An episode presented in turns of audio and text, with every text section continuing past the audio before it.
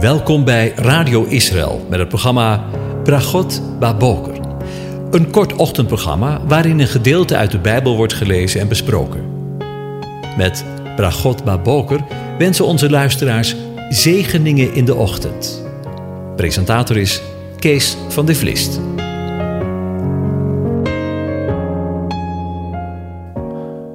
Goedemorgen, luisteraars.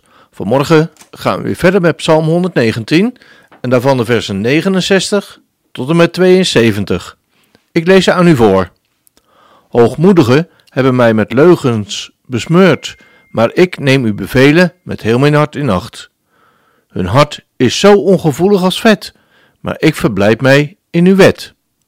Het is goed voor mij dat ik verdrukt ben geweest, opdat ik uw verordeningen zou leren. De wet uit uw mond is mij beter dan duizenden stukken goud of zilver. Tot zover. Over verdrukkingen gesproken. Het vers dat vanmorgen bij mij blijft hangen is het 71ste. Ik lees het nog een keer aan u voor. Het is goed voor mij dat ik verdrukt ben geweest. Tja, niet echt een lekker onderwerp, denk je misschien, voor aan het begin van de dag. Want wie kijkt er nu uit naar verdrukkingen? Niemand toch zeker? Maar stop nog niet met luisteren, want ook vandaag eindigen we niet in de mineur. Want de dichter van de psalm is ervan overtuigd dat het goed voor hem geweest is, want de verdrukking heeft hem bij Gods woord Gods verordeningen gebracht. Tja, mensen zeggen wel eens dat nood leert bidden. En in zekere zin is dat natuurlijk ook waar. Wanneer je in moeilijke situaties terechtkomt, je wordt met een plotselinge ziekte geconfronteerd, heeft dat veelal effect op het gebedsleven. Verdrukking. Ik moet denken aan die duizenden en duizenden mensen die elke dag weer verdrukt worden door regimes die het niet toestaan dat we in de Heer Jezus geloven. Mensen die gemarteld worden, in gevangenissen moeten zitten, geslagen en soms wel gedood worden de beelden van de 18 mensen die onthoofd werden aan de rand van het strand en de wereld overgingen, staan op mijn nestvlies gebrand. Verschrikkelijk. In Job 31, vers 29 lezen we woorden van gelijke strekking, zoals we die gelezen hebben in de psalm van vanmorgen. Zo ik verblijd ben geweest in de verdrukking mijns haters. En ook de Heer Jezus sprak over verdrukking Sommige mensen zijn veel met de eindtijd bezig en sommigen vragen zich ook wel af in welke tijd wij leven in het licht van Gods kalender. Luister eens mee en hou daarbij in gedachten dat wij in een tijd leven waarin de christenvervolging nog nooit zo intensief is geweest als in de dagen waarin wij leven. Luister mee wat Jezus daarover te zeggen heeft in Matthäus 24. Als dan zullen zij u overleveren in verdrukking en zullen u doden, en gij zult gehaat worden van alle volken om mijn naams wil. Want als dan zal grote verdrukking wezen, hoedanige niet is geweest van het begin der wereld tot nu toe, en ook niet zal zijn. En terstond na de verdrukking in die dagen zal de, de zon verduisterd worden, en de maan zal haar schijnsel niet geven. En de sterren zullen van de hemel vallen, en de krachten der hemelen zullen bewogen worden. Ja, zelf denk ik dat we in een profetische tijd leven, een tijd waarin de profetieën worden vervuld. Ik weet natuurlijk niet hoe het jou vergaat, maar eerlijk gezegd denk ik dat wij de verdrukking in het westen van Europa niet zozeer aan het lijf ervaren. Wij, christenen van het westen, mogen en kunnen in alle vrede de Heere, de God van Israël, dienen. Er wordt, om het zo eens te zeggen, ons geen stro breed in de weg gelegd. Maar misschien heeft de tegenstander voor ons wel een heel andere tactiek gekozen om ons bij de Heere weg te houden. De tactiek van de afleiding. En dan denk ik in het bijzonder aan de beeldcultuur. Met de jaren 60 van de vorige eeuw kwam de televisie in huis en onderzoek heeft uitgewezen dat sinds die tijd er sprake is van kerkverlating. Hoe onvoorstelbaar veel mensen zitten verkleefd aan een scherm. Schermen in allerlei maatvoeringen. Van heel groot in de woonkamer, via een wat kleiner beeld in de slaapkamer, tot een nog wat kleiner beeld in een broekzak of handtas. Zo zien we maar weer dat de verdrukking en verleiding vele gezichten heeft.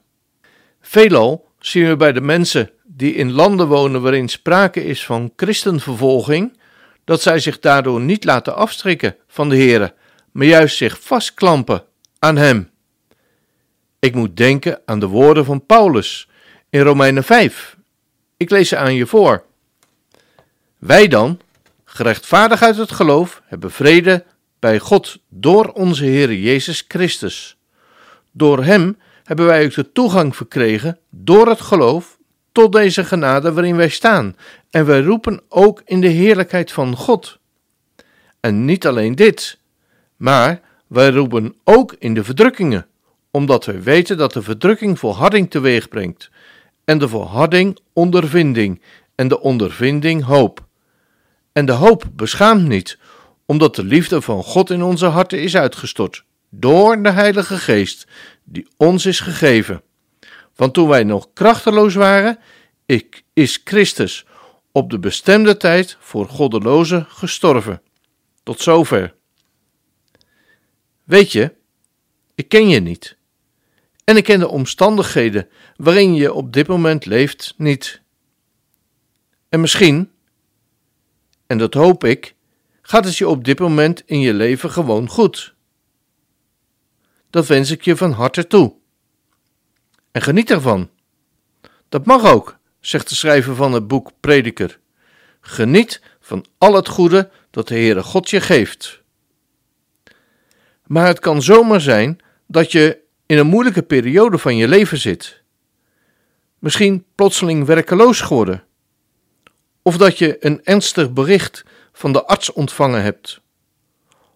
Of dat het je financieel allemaal vreselijk tegenzit. Of dat de verhoudingen in het gezin of huwelijk scheef gegroeid zijn. Of. En vul zelf maar in. Dan wil ik je aanraden om gewoon maar eens bij de Heere God op consult te gaan. Leg al je pijn, je moeite, je twijfels, je verdriet, je boosheid, of misschien is het wel pikken donker in je leven, maar in de handen van de Heere God. Op die plek zul je de dichter van de psalm ook ontmoeten. Hij heeft daar op die plek Gods verordeningen geleerd, zegt hij. En Romeinen 12 leert jou en mij: verblijd je in de hoop, wees geduldig in de verdrukking en volhard in het gebed. En luister maar eens naar Paulus, de ervaringsdeskundige op het gebied van verdrukking, moeite, verdriet en allerlei ellende die hem overkomen is. Hij heeft woorden van hoop. Als je hopeloos bent. In 2 Korinthe 1 vers 4. Geprezen zij de God en Vader van onze Heer Jezus Christus, de Vader van de barmhartigheden en de God van alle vertroosting, die ons troost in al onze verdrukking, zodat wij hen kunnen troosten die in allerlei verdrukking zijn met de vertroosting waarmee wij onszelf door God getroost worden. Want zoals het lijden van Christus overvloedig over ons komt, zo is door Christus ook onze vertroosting overvloedig. Zie je? Zo eindigen we vandaag niet in de mineur, want er is hoop in het woord van God. Altijd, vraag je? Ja, inderdaad, altijd. Want hij is onze hoop. Ik wens je een van God gezegende dag toe.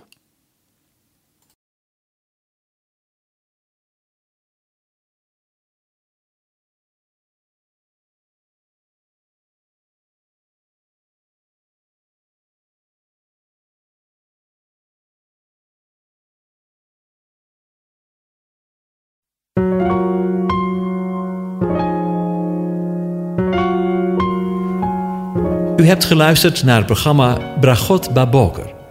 Een kort ochtendprogramma waarin een gedeelte uit de Bijbel wordt gelezen en besproken. Wilt u het programma nog eens naluisteren, dan kan dat. Ga naar radioisrael.nl en klik onder het kopje radio op Uitzending gemist.